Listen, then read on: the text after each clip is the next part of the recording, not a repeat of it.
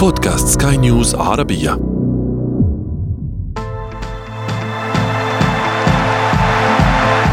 أثير الكرة.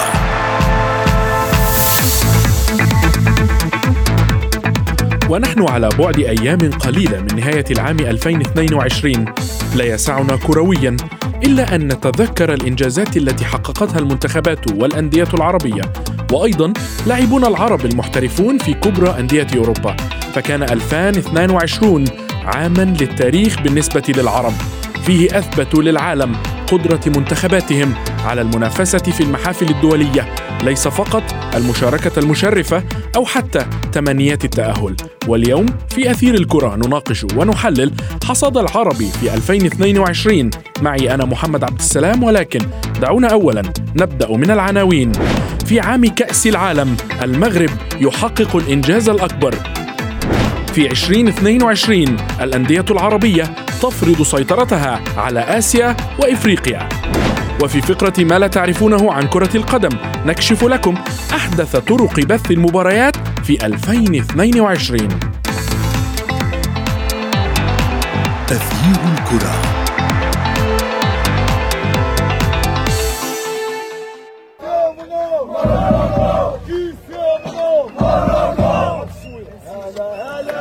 أهلا ومرحبا بكم في حلقة جديدة من أثير الكره 2022 كان عاما حافلا للمنتخبات والأندية العربية فهيمنت على القارتين الإفريقية والآسيوية. ناهيك عن أداء منتخباتنا العربية في كأس العالم فيفا قطر 2022 ووصول المنتخب المغربي إلى نصف نهائي البطولة وتحقيق المركز الرابع كأول منتخب عربي وإفريقي يحقق هذا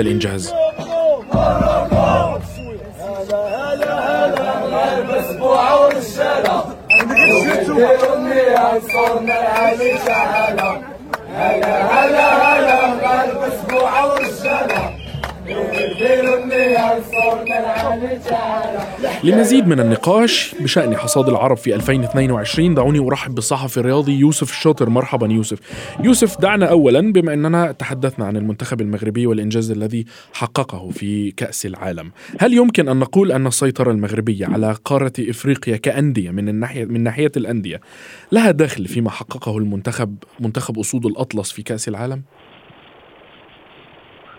مرحبا محمد. آه، في البداية بطبيعة الحال الأندية المغربية على المستوى الإفريقي آه، سنة هذه السنة كانت سنتها بامتياز تالق كبير لفريقي الوداد البيضاوي في مسابقة دوري أبطال إفريقيا ونهضه بركان في مسابقة كأس الكونفدرالية نعم. الإفريقية. مسار رائع لهذا الثنائي. انتهى بتحقيق الألقاب معا ولعب مباراة السوبر الإفريقي بشكل آه، ثنائي في المباراة النهائية. هذا أمر آه، سابقه في تاريخ الكرة المغربية. بالتالي آه، كان شيئا طبيعيا ربما أن آه، يتألق المنتخب المغربي وأن يستفيد من هذا التألق على مستوى الأندية، الأندية المغربية قدمت أسماء كثيرة للمنتخب وهناك تطور كبير للبطولة المغربية بفضل هذا التألق وهذا المسار الجيد للأندية المغربية على المستوى الأفريقي. ولا ننسى أيضا تألق الرجاء سابقا على المستوى العربي أيضا بالتالي هناك لنقول محمد هناك آه، طفره وثورة كروية هادئة لنقول في في المغرب على المستوى المحلي وهذا انعكس بشكل مفاجئ على مستوى المنتخب الأول الذي تألق في كأس العالم الماضي. بالتأكيد هل يمكننا أن نقول أن 2022 آه، هو بداية للمنتخب المغربي خلال لما هو قادم من بطولات قارية؟ ذلك ما نتمناه محمد بطبيعة الحال الأساس الجيد بني في كأس العالم الماضي المنتخب المغربي وضع اللبنات الأولى لمنتخب قوي انتهى المونديال. يبدأ التفكير فيما هو قادم. هناك كأس أمم إفريقيا المقبلة بالكوت ديفوار عام 2024 هناك أيضا آه، تصفيات كأس العالم المقبلة التي ستنطلق آه، بنظام جديد. المنتخب المغربي يمتلك جيل ذهبي ممكن أن نقول معدل السن صغير بالمقارنة بباقي المنتخبات التي شاركت في المونديال الأخير. هناك هامش كبير للتطور لبعض الأسماء التي تتألق آه، آه، في كرة القدم الأوروبية. وهناك أسماء أخرى لفتت الانتباه كما قلنا آه، في فريقي الوداد البيضاوي ونهضة بركان والتي بإمكانها أن تبحث عن مكان في الاحتراف في أوروبا خاصة يحيى عطية الله الظهير الأيسر في فريق الوداد البيضاوي الذي كان أحد نجوم هذه في هذا المونديال وكان أفضل ثالث ظهير أيسر في كأس العالم. ممكن محمد بكل تأكيد ان أن الفرصة مواسيه الآن يجب ربما عدم اذاعتها واستغلالها على امثل نحو من أجل مواصلة هذه الإنجازات. نعم بالتأكيد وأيضا يمكننا أن نقول أن آه، آه، عام 2022 وتحديدا كأس العالم سيكون له أثر كبير في احتراف عدد كبير من آه، اللاعبين المغاربة الذين شاركوا في كأس العالم في أندية كبرى. كما رأينا وكما شاهدنا الأنباء التي تتحدث عن احتراف سفيان مرابط في أحد الأندية الكبرى. وكان آخر آخر خبر قرأناه أن باريس سان جيرمان الفرنسي أبدى اهتمام بالتعاقد مع هذا اللاعب. يوسف. طبعا محمد باريس سان جيرمان طبعا محمد باريس سان جيرمان يريد تعزيز الصفوف خاصة في خط الوسط ليفربول أيضا. برشلونة كان آه، آه، أو الصحف المواليه للنادي كما قلت كانت ابدت اهتمام النادي بسفيان مرابط بعز الدين اناحي لكن آه، عندما نتحدث عن بداية السوق مطلع يناير بطبيعة الحال الأمور تختلف كثيرا. من هي الفرق التي تمتلك السيولة المادية التي تمتلك الجرأة وضع ربما حظوظها على لاعب قد ينجح وقد لا الظهور آه، في المونديال بشكل لافت. طبعا هذا شيء جميل جدا لكن يجب التأكيد بعد ذلك في الفرق التي سينتقل إليها آه، آه، اللاعبون المنتخب المغربي إذا ما انتقلوا سفيان مرابط لاعب جيد جدا على جميع الاصعده هناك اهتمام فعلي من بعض الأندية في أوروبا خاصة كما تفضلت محمد باريس سان جيرمان أيضا ليفربول أيضا. حديث كبير طبعا ليفربول. هناك حديث أيضا عن عز الدين أناحي في فريق مثل نابولي الإيطالي أو نادي مارسيليا الفرنسي وهي فرق محمد لو آه، تبعتها هي فرق مناسبة لعز الدين أناحي ليست الفرق الكبيرة التي لن تمنحك فرصة لعب ولكن آه، آه، سيكون لأناحي مجال أن يلعب أن يظهر إمكانياته بالتأكيد وأيضا أن يبرز وأن يؤكد هذه الأداء الرائع في كأس العالم. بالتأكيد إذا ما تمت هذه الصفقات سيكون دفع كبير للمنتخب المغربي وستكون إضافة بالتأكيد للمنتخب المغربي فيما هو قادم يوسف. ابقى معي فاصل قصير نتابع بعده ما تبقى من حلقة اليوم من أثير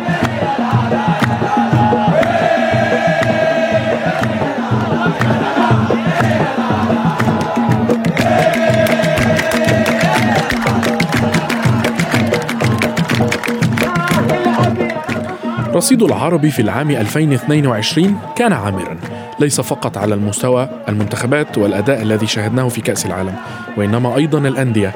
فالهلال السعودي أثبت أنه ملك آسيا بحصوله على دوري الأبطال وفي القارة السمراء الوداد البيضاوي المغربي حقق Champions League إفريقيا ونهضة بركان حقق الكونفدرالية فكانت استمرارا للهيمنة العربية التي اعتدنا عليها خلال الأعوام الماضية. دعونا فقط اولا نستكمل الحديث عن المنتخبات العربية وأجدد الترحيب بالصحفي الرياضي يوسف الشاطر كما أرحب بالصحفي الرياضي الذي ينضم إلينا الآن أحمد نجيب. أحمد مرحبا بك.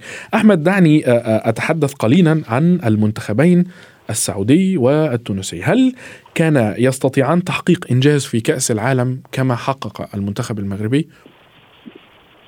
تحياتي محمد وتحياتي لكل مستمع في الكرة وتحياتي ليوسف. آه، بالتأكيد كنا نأمل بذلك. آه، كان هناك بعض آه، التقديمات أو الأداء اللي أدى إن أنت تتعشم باللغة باللغة المصرية الدارجة في المنتخب السعودي والمنتخب التونسي، المنتخب السعودي في أول مقابلة معاه مع المنتخب الأرجنتيني الفوز التاريخي. فيما بعد ذلك اتضح إن هو الفوز على بطل كأس العالم تونس آه واقتناص التعادل أمام المنتخب الدنماركي. التعادل كان صعب آه أداء كان إلى حد كبير جيد. فكنا نأمل إن المنتخب آه، السعودي والتونسي إن هم يعني يكملوا المشوار تحديدا إن البداية كانت قوية جدا. المنتخبات فيما بعد ذلك كانوا أضعف نوعا ما بشكل أو بآخر من المواجهة الأولى. المنتخب التونسي حتى في في المواجهة الأخيرة قدر إن هو يحقق الفوز على المنتخب الفرنسي اللي كان لو توج بكأس العالم كان المنتخب التونسي يكون فاز على بطل كأس العالم. فكنا نأمل بذلك المنتخب السعودي بيجني ثمار استثماره في الدوري السعودي استثماره في اللاعبين استثماره في التسويق للدوري السعودي. آه، بنية تحتية قوية جدا النقل التلفزيوني البث آه، العوائد آه، استخدام المدربين على غرار طبعا اللاعبين فئة class A أو ال top يستثمر في كل ذلك نعم. استثماره في هيرفي رونار تجديد معاه إلى 2027 آه، لتأكيد الثقة بعد قبل آه، آخر جولة من تصفيات كأس آه، العالم في آسيا. تم التجديد لهيرفي رونار لما ياكد لك الرؤية السعودية الثقة الثبات أو تبقى في استقرار وخطة طويلة المدى.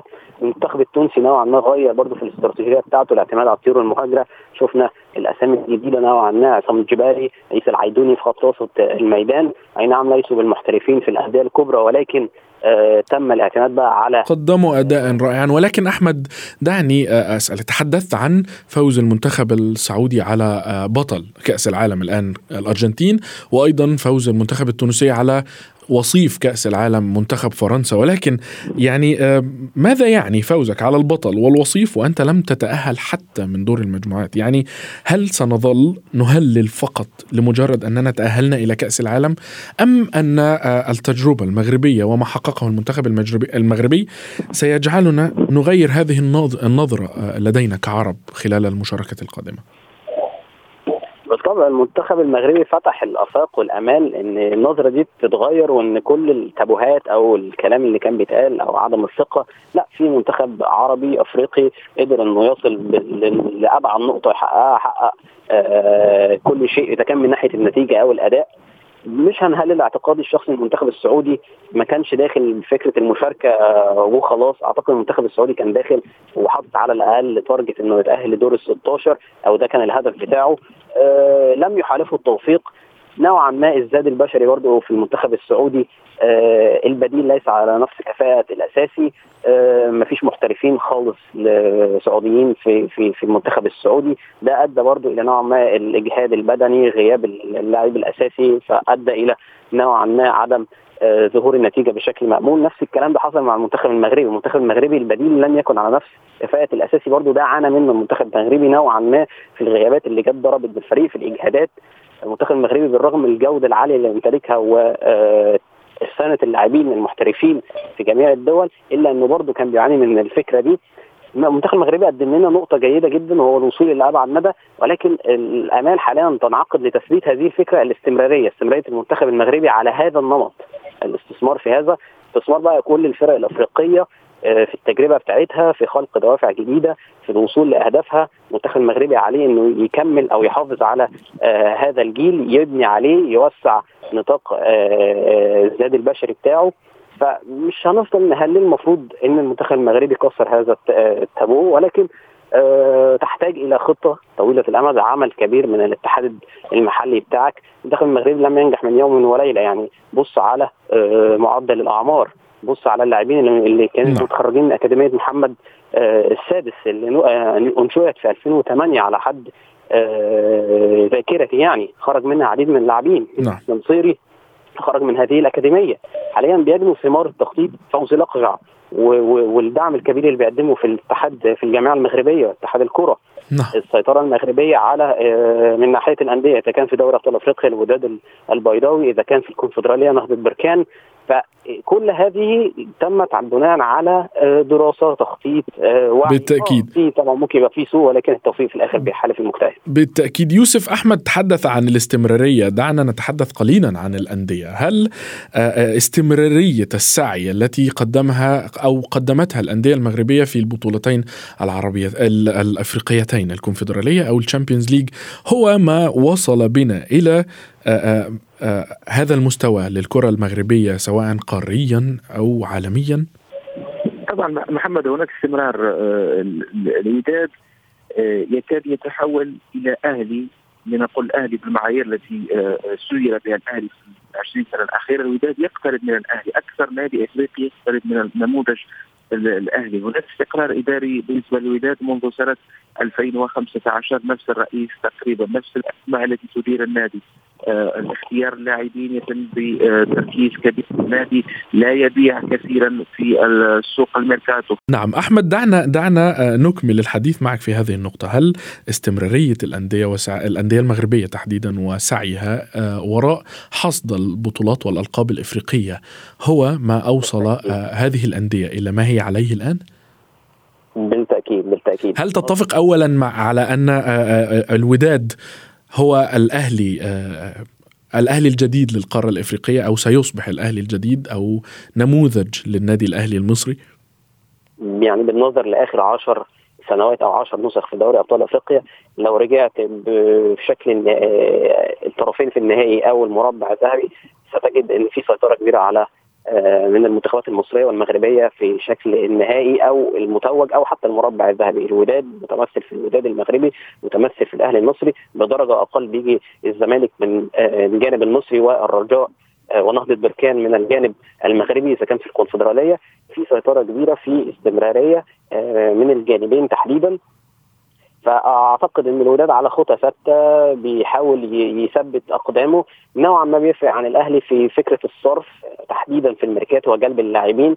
لم يأخذ منحنى الأهلي في حجم الصرف حجم أسامي اللاعبين اللي بيتم جلبها. الوداد نعم. مش بيعمل بالطريقة دي نوعا ما بيتم جلب اللاعبين الصغار بأرقام صغيرة نوعا ما ثم تسويقها بعد كده وياخد العائد المادي بتاعها.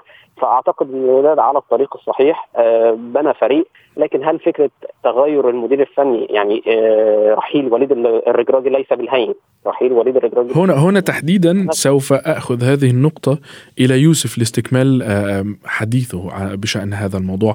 هل تعتقد أن فعليا التفريط في الرجراجي لصالح المنتخب سيؤثر على آه، نادي الوداد البيضاوي؟ طبعا محمد يؤثر بشكل مباشر لأن الوليد الرجراجي مدرب كبير جدا مدرب عرف آه، آه، عقلية لاعبي الوداد وأجواء محيط الوداد الجمهور هناك تعاطف كبير بينه وبين الجمهور. لذلك نجح في ربما صياغة فريق سنتذكره كثيرا هذا الوداد الذي توج بدوري أبطال إفريقيا السنة آه، هذه السنة. بالنسبة لي آه، كنت أتحدث عن نموذج الأهلي. مثلا أعطيك فقط آه، جزئية. محمد أشرف داري خرج للاحتراف إلى بريست الفرنسي بعد التتويج بدوري أبطال إفريقيا. الوداد انتدب مدافع النجم الساحلي التونسي الجزائري بن عيادة لاعب جيد جدا والفراغ سد النادي لا لم يعاني كثيرا على مستوى الدفاع هذا الموسم. يقوم باختيارات جيدة صفقات صغيرة كما تفضل أحمد لكن آه، في بالمقاس لنقل أيضا نهضة بركان الاسم أخذ آه، آه، وقع على المستوى الإفريقي. الفريق ينتدب والفريق على المستوى الانتدابات جيدة يستثمر محليا ينتدب نهضه بركان عادة من البطولة المحلية وأيضا يقوم ب بطبيعة الحال آه، جلب بعض العناصر الإفريقية الجيدة. وهذا أمر مهم جدا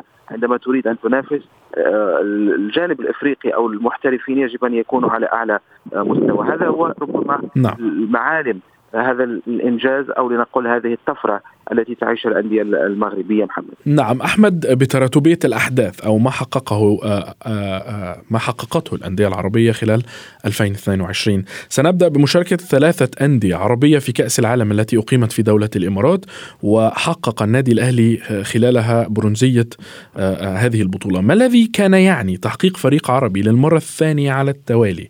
برونزية كأس العالم. هذا بالإضافة إلى أننا نقترب من كأس العالم القادمة التي ستقام في المغرب وأيضا سيشارك فيها ثلاث أندية عربية.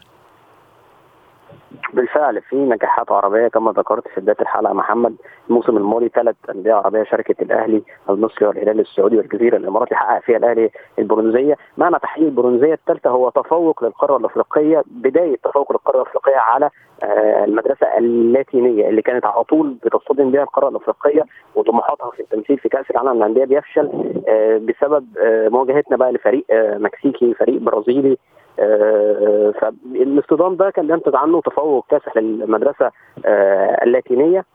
تحقيق البرونزيه للمره الثانية بيدل إن في تفوق للقارة الأفريقية شيئا بشيئا كده يعني نوعا ما. أرقام قياسية طبعا للنادي الأهلي. الموسم الحالي طبعا قبل ما نختم السنة خبر إن في ثلاثة أندية عربية أيضا هتشارك الهلال والوداد والأهلي.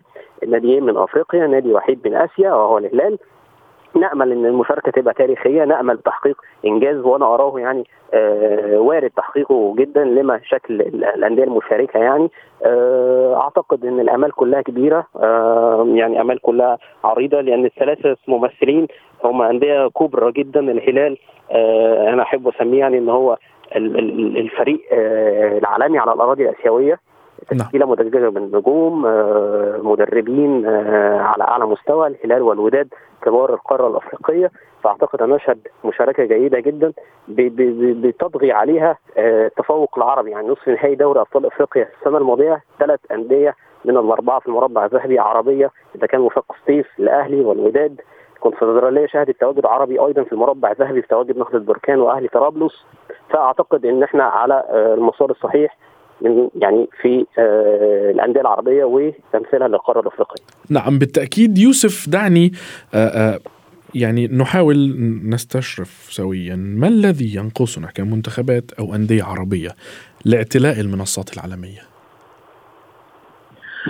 محمد أظن الجزئية الأهم هو هي الاحتكاك بأفضل اللاعبين على المستوى الأوروبي وأخذ التجربة وعدم الرهبة في خوض البطولات الكبرى تغيير العقلية كما قال وليد الركراكي في الطموح اللاعب العربي يجب أن يطمح أن يكون أفضل من اللاعب الأوروبي. بالنسبة للمغرب الجزائر مصر كسروا هذه الأشياء ربما لأن هناك محترفين في أوروبا.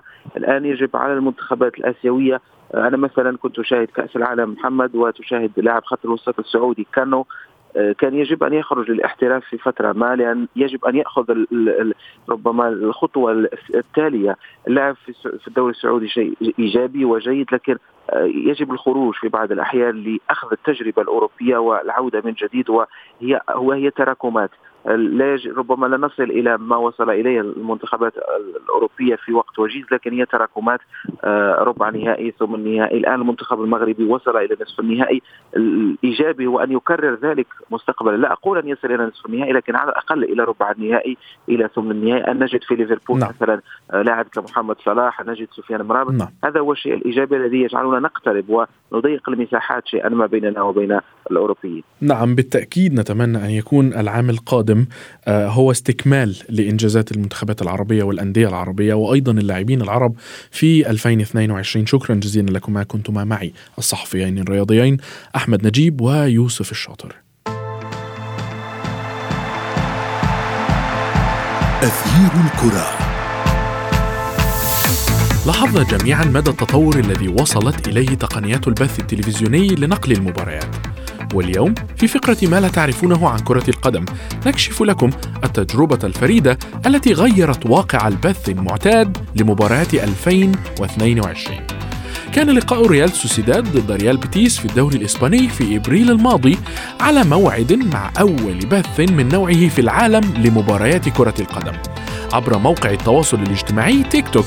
وذلك لأن القائمين على كرة القدم يبحثون دائما عن جمهور من فئة الشباب.